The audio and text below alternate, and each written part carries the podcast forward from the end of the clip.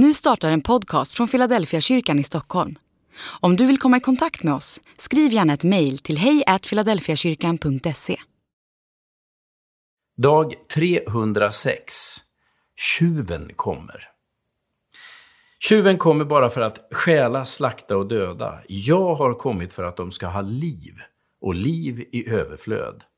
Johannes kapitel 10 och vers 10. Jesus talar inte om ormen, men han talar om tjuven.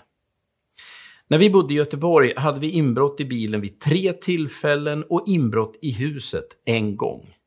I snitt hade vi tjuvbesök vartannat år. Inbrottet i huset skedde mitt i sommaren och tjuvarna tog sig in genom ett källarfönster på baksidan. Det enda spår de lämnade efter sig var de röda märkena i fönsterkarmen efter kofoten de använde för att knäcka upp fönstret. Inomhus kunde vi snabbt se att de hade gått igenom alla lådor och skåp, men de hade inte rört till särskilt mycket.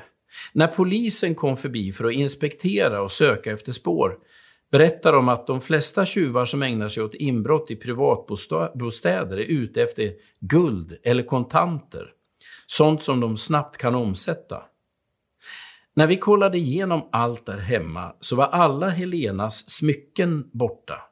Det mesta täcktes av våra, vår försäkring, men bland det, bland det stulna fanns några ringar som var arvegods och vars värde inte går att ersätta med pengar. Tjuven skapar inga egna värden, utan lever av det den stjäl från andra. Nu talar inte Jesus om tjuvar som stjäl vanlig egendom. Han talar om tjuvar som stjäl självkänsla, heder och liv.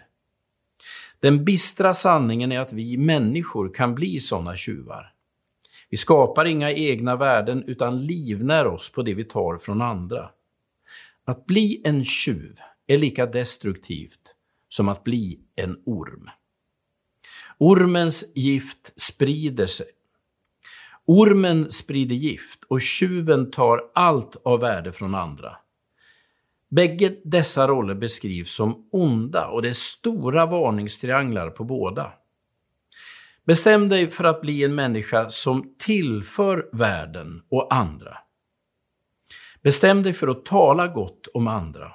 Bevara alltid förtroenden du får.